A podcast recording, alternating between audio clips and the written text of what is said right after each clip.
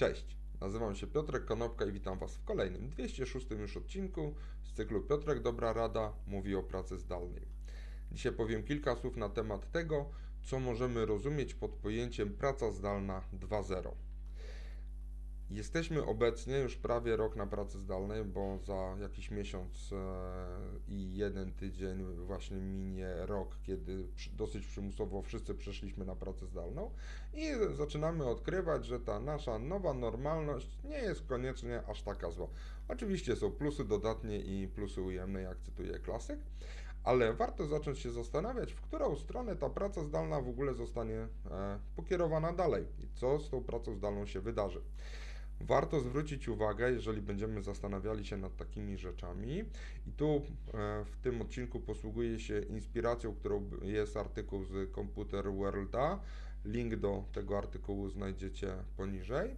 E, warto zastanowić się nad takimi trendami. Jeżeli na przykład, e, wczoraj mówiłem o tym, że z Londynu było 700 tysięcy osób, to prawdopodobnym trendem, który będzie związany jakoś z pracą zdalną jest ograniczenie takiego pożądania takich dużych miast z powodu właśnie pandemii obecnej i pandemii, które mogą się pojawić w przyszłości. E, dodatkowo takie e, ograniczenie mm, ciągu do dużych miast może być spowodowane tym, że koszty życia w miastach rosną od dłuższego czasu.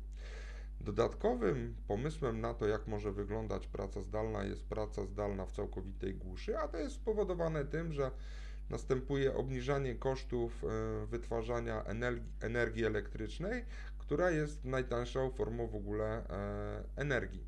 I być może będziemy mogli niedługo pracować z dżungli w Amazonii, jeżeli tylko wytrzymamy komary tam istniejące. Dodatkową rewolucją, która y, mamy już właściwie zaraz za rogiem, jest nadchodząca rewolucja związana z internetem satelitarnym y, i kolejnym y, projektem Elona Muska.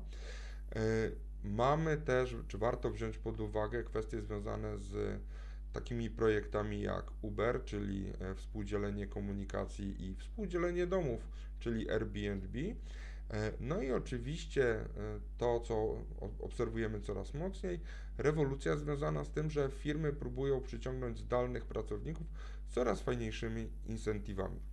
to są te rzeczy, które są na plus. I warto rozważyć, jak będzie praca zdalna zmieniała się, właśnie w powiązaniu z tymi trendami.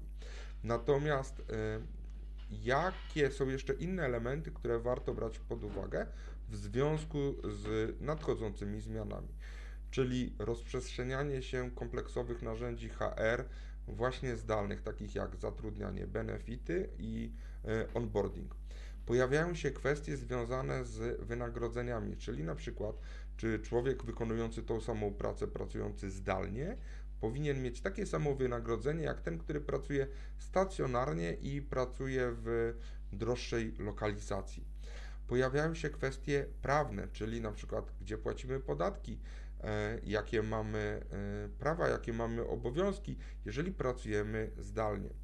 Dodatkowo są kwestie związane z zachowaniem poufności i bezpieczeństwem danych, ponieważ przesyłając informacje przez internet, te kwestie warto również mieć na widoku.